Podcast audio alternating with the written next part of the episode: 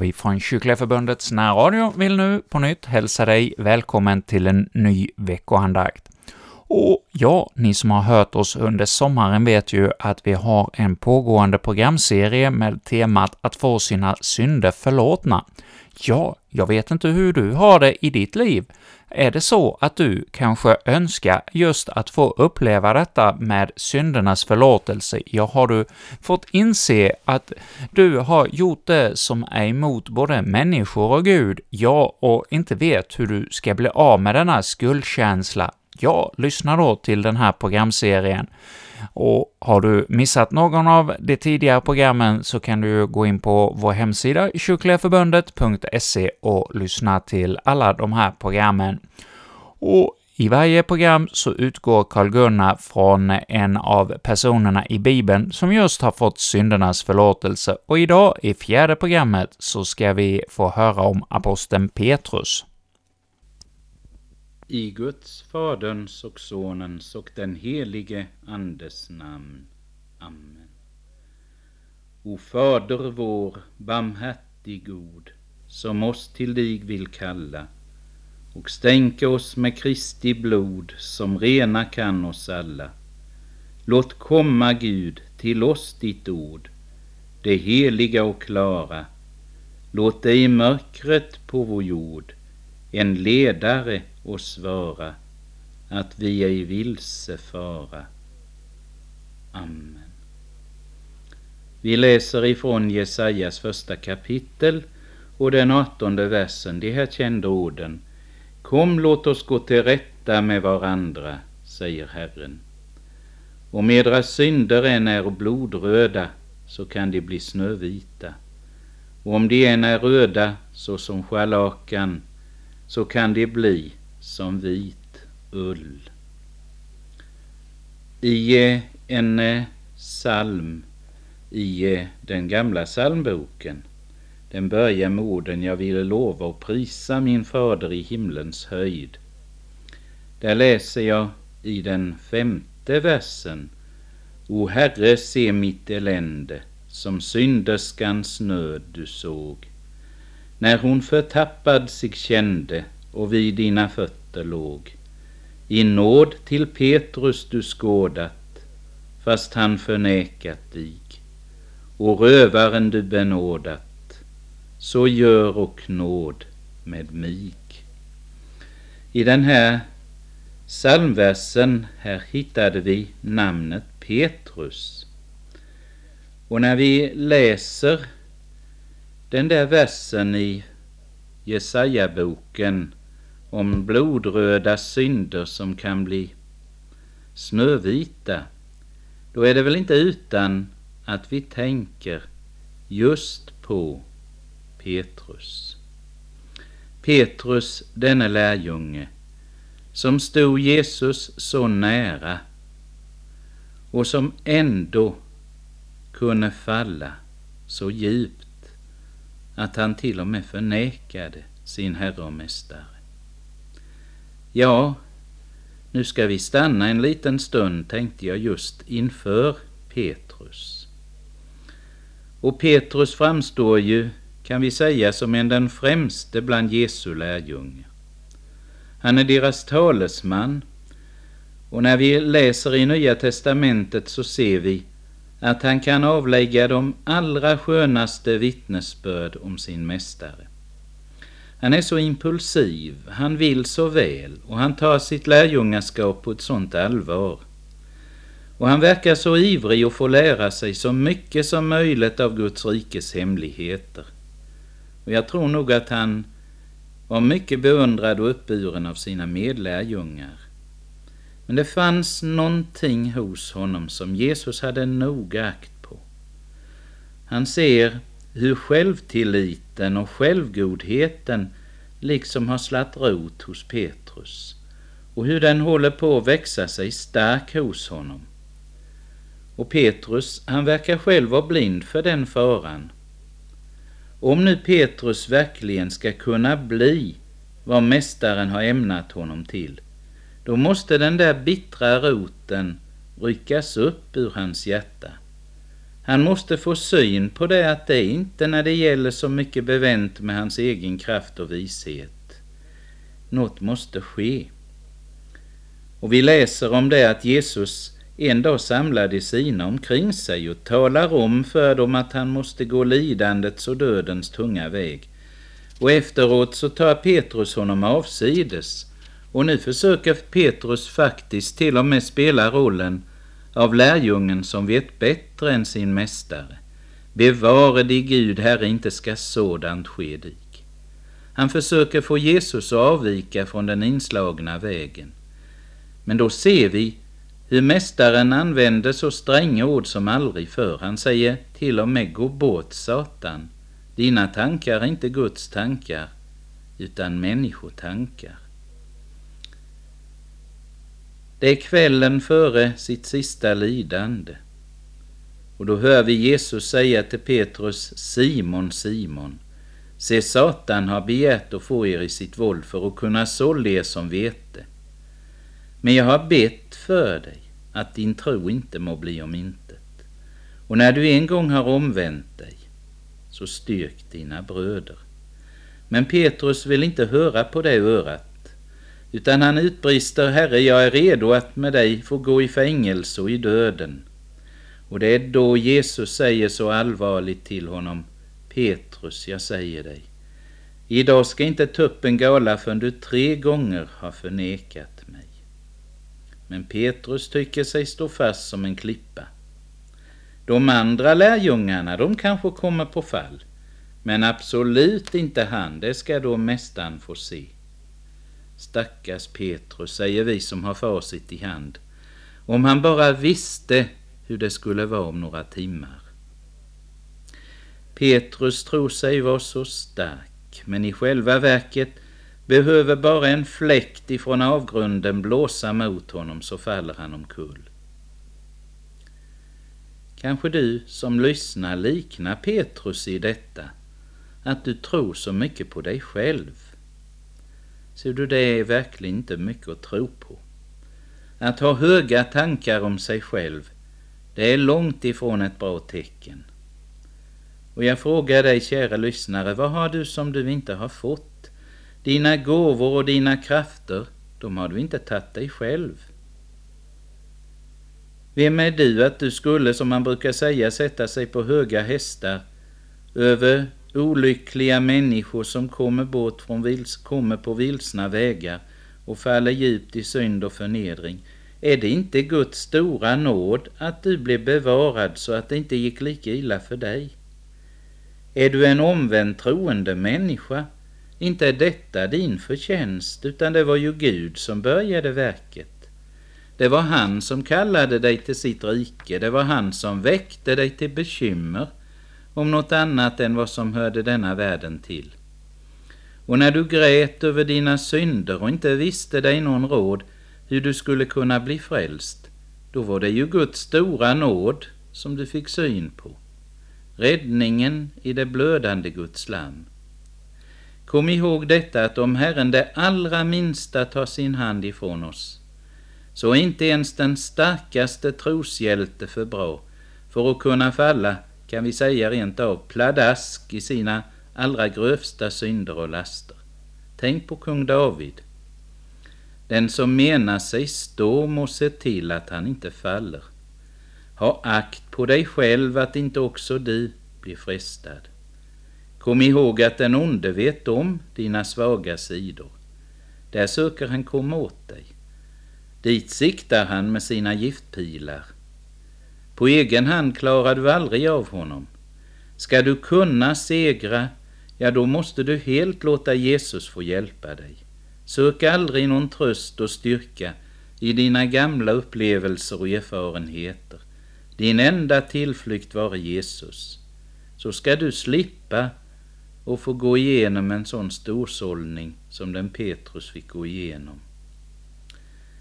Om vi nu förflyttar oss till den där kvällen i ett semane först. Där är Jesus med sina lärjungar. Och plötsligt börjar lyktor och blås glimma mellan träden och steg och röster hörs. Det är människor som är ute för att gripa Jesus. Och där upptäcker vi förresten en av Jesu lärjungar, Judas, han är med, för han har fått 30 silverpengar för att han ska förråda Jesus. Och när fienderna sträcker ut sina händer efter Jesus, då blir Petrus liksom desperat. Han har ett svärd. Han rycker upp det och måttar mot en av översteprästens tjänare och hugger till och hugger av honom ena örat. Han menar så väl, men han gör illa. Han litar på sin egen kraft. Och genast får han tillsägelse av Jesus och sticka svärdet tillbaka. Jesus grips och binds. Lärjungarna skingras som agnar för vinden, de flyr åt olika håll. De skulle ju ha stått som en man vid Mästarens sida, och så är de plötsligt borta allihopa. Men Petrus följer efter på avstånd, för han ska ju se hur det avlöper. Och här är det en sak som jag inte kan låta bli att påminna om. Och det är detta, ni som vill höra Herren till. Det är inte på avstånd som vi ska följa Jesus, utan så nära honom som möjligt. Håll du mig tätt vid dig och jämna för min fot din stig. I glädjen och i sorgen lika, håll du mig tätt vid dig. Be den bönen. Ju längre bort från Jesus, desto närmare synd och förnedring, ju närmare till och med blodröda och nattsvarta synder. Men ju närmare Jesus, desto bättre tryggad är du för synd och avfall. Kom ihåg att den som verkligen älskar Jesus kan inte samtidigt älska synden. Och den som älskar synden kan inte älska Jesus. Här vill Herren att vi allihop riktigt ska pröva oss inför hans ansikte. Petrus smyger fram längs gatorna och så kommer han omsider fram till porten som leder in på översteprästens gård. Men där sitter en portvakterska och hon ropar an Petrus och frågar honom, är inte också du en av den mannens lärjungar? Nej, säger han, det är jag inte. Och så kommer han in genom porten. Och det är bitande kallt i natten. Där på gården, där har tjänare och rättsbetjänter, alltså den tidens polismän, tänt en koleld och där står de och värmer sig. Och Petrus närmar sig kolelden, kanske mycket tveksamt, men så rätt vad det är så står han där mitt ibland Jesu fiender och värmer sig. Nu syns han alldeles ha glömt bort hur farligt det är att slå sig in på syndares väg och sitta där bespottare sitta.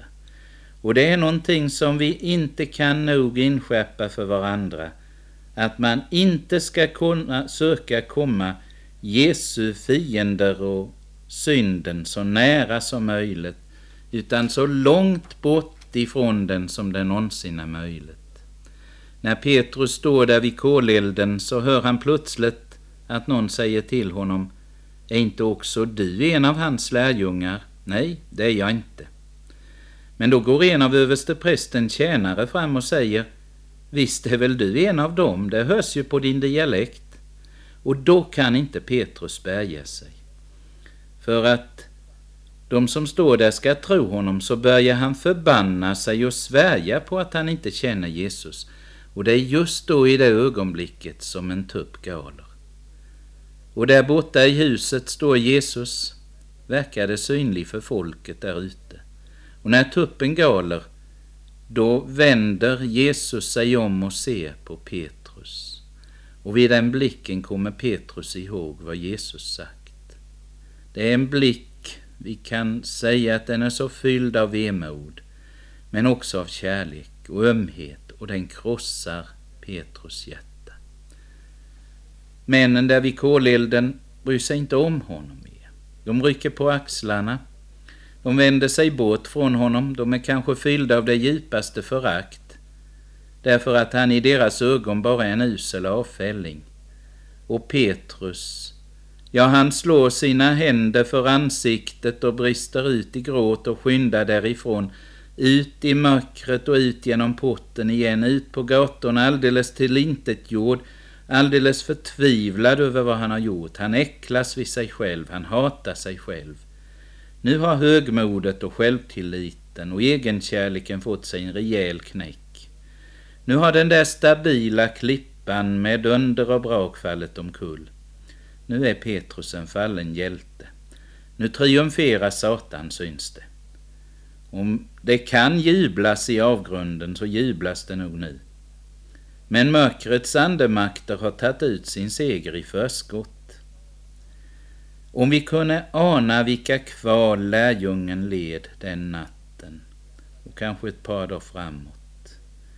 De andra lärjungarna kommer att berätta för honom vad som skett, att deras älskade mästare blivit grymt torterad, att han dömts till döden, att han i den största vanära har dött på korset och blivit lagd i en klippgrav i närheten av Golgata. Allt har stöttat sönder och samman för Petrus. Nu anklagas samvetet ideligen, det ropar förnekare, svärjare, avfälling. Och den hångrinande Satan säger Petrus, nu har du burit dig så avskyvärt och skändligt åt. Så nu har du för alltid stängt dig ute från Guds rike. Nu kan du gärna löpa linan ut. Svärj och synda på bara, Guds barn kan du ändå aldrig bli mer.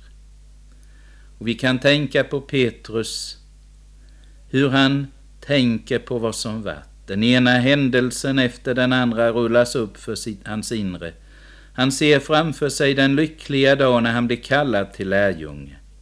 När han genast la fiskeredskapen ifrån sig och följde Jesus. Han ser framför sig de under han fick vara med om. Han hör åter de där orden som han fällt om mästaren vid Caesarea Filippi. Du är Kristus, den levande Gudens son. Han tänker på det där förunderliga som han fick vara med om på förklaringsberget då han kände sig så överlycklig, så salig, som om han redan varit i himmelen. Men han tänker också på alla sina storslagna luften och goda föresatser. Och nu är han en förnekare. Nu är han en person med blodröda, scharlakansröda synder. Nu är han det allra uslaste och mest föraktliga som tänkas kan. Det hade varit bättre bättre om han aldrig lärt känna Jesus. Om han aldrig hade kommit till och blivit född. Och plötsligt så står orden som mästaren en gång sagt som inristad i eldskrift framför honom. Den som förnekar mig, honom ska jag och förneka inför min fader som är i himmelen. Ja, då finns det väl ingen hjälp. Vi kan tänka oss hur Petrus känner det, som om helveteslågorna riktigt slickade efter hans själ.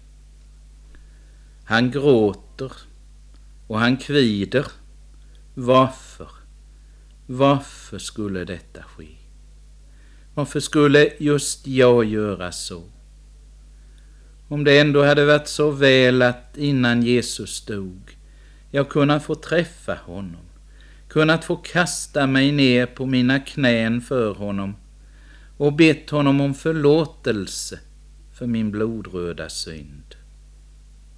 Ja, så tänkte han säkert, den arme Petrus. Jag drar mig till minnes att någon har sagt att syndares tårar är änglarnas glädje. Ja, Jesus har ju sagt att det blir glädje över en enda syndare som gör bättre glädje i himmelen. Sorg över synden, om den än är aldrig så bitter, så är den en sorg efter Guds sinne, då leder den till bättring. Det finns ingen som kan jubla över nåden, som inte först har sörjt och gråtit över sitt elände. Och Jesus Kristus är ju kommen i världen för att frälsa syndare alltså också en så genomskröplig stackare, en så djupt fallen lärjunge som Petrus. Detta att känna sina synder som en tryckande börda, detta att sörja över dem och hata dem och längta efter att bli fri från dem, att önska att man aldrig gjort dem, det är detta som kallas för den verkliga, den sanna bättringen. Har du erfarit den? Annars be Gud nu att han inte tar dig bort från denna världen förrän du fått erfara den. Och läs och hör Guds ord så att Guds ande kan komma åt dig och att han kan få verka det sanna bättringens verk hos dig. Det vore det bästa som kunde ske dig, för då skulle du få en framtid och ett hopp. En människa som tror på Jesus kan alltså förgå sig och falla, det ser du på Petrus. Anden är villig, men köttet är svagt. Och då kanske vi som vill vara kristna, vi ser hennes fel, vi kanske dömer henne och fryser ut henne och stämplar henne som avfälling. Men tänk om vi också kunde se och känna något av hennes nöd och hennes ångest. Gud vet allt. Och Gud har inte behag till en syndares död, utan att syndaren omvänder sig och lever. Det har Gud betygat i sitt ord.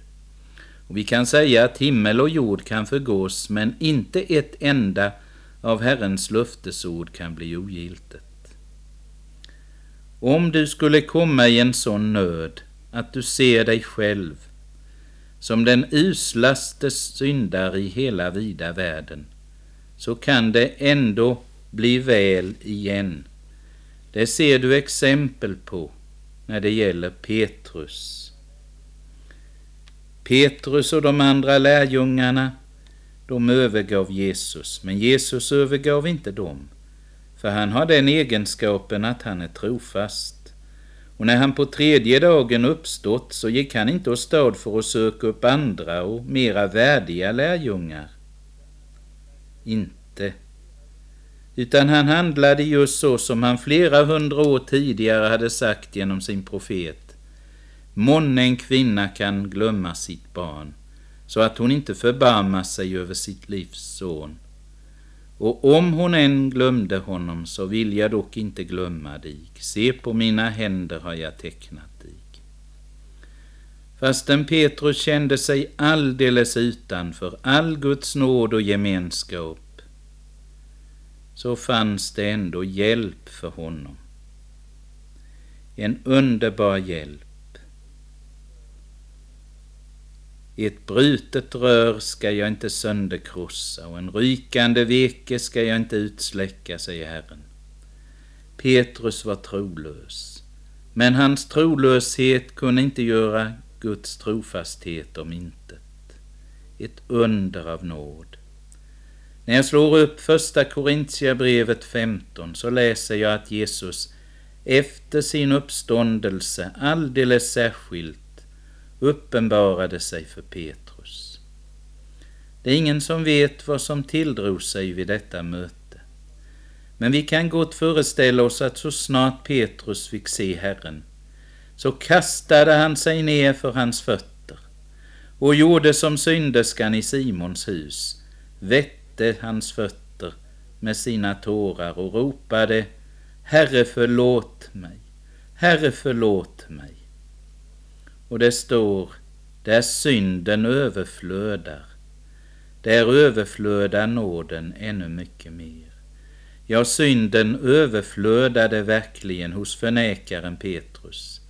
Men nåden överflödade ännu mycket mer. Och jag tänker på ett ord av Martin Luther. Han har sagt om jag kunde måla av Petrus så skulle jag på varje hans hårstrå låta det vara skrivet orden syndernas förlåtelse. Syndernas förlåtelse. Petrus synd, vad kan vi säga, blodröd. Men den blev utstruken den blir snövit. Och då ska du komma ihåg detta, du käre kristne vän, som tycker detta, att du inget annat är än en som har svikit och förnekat.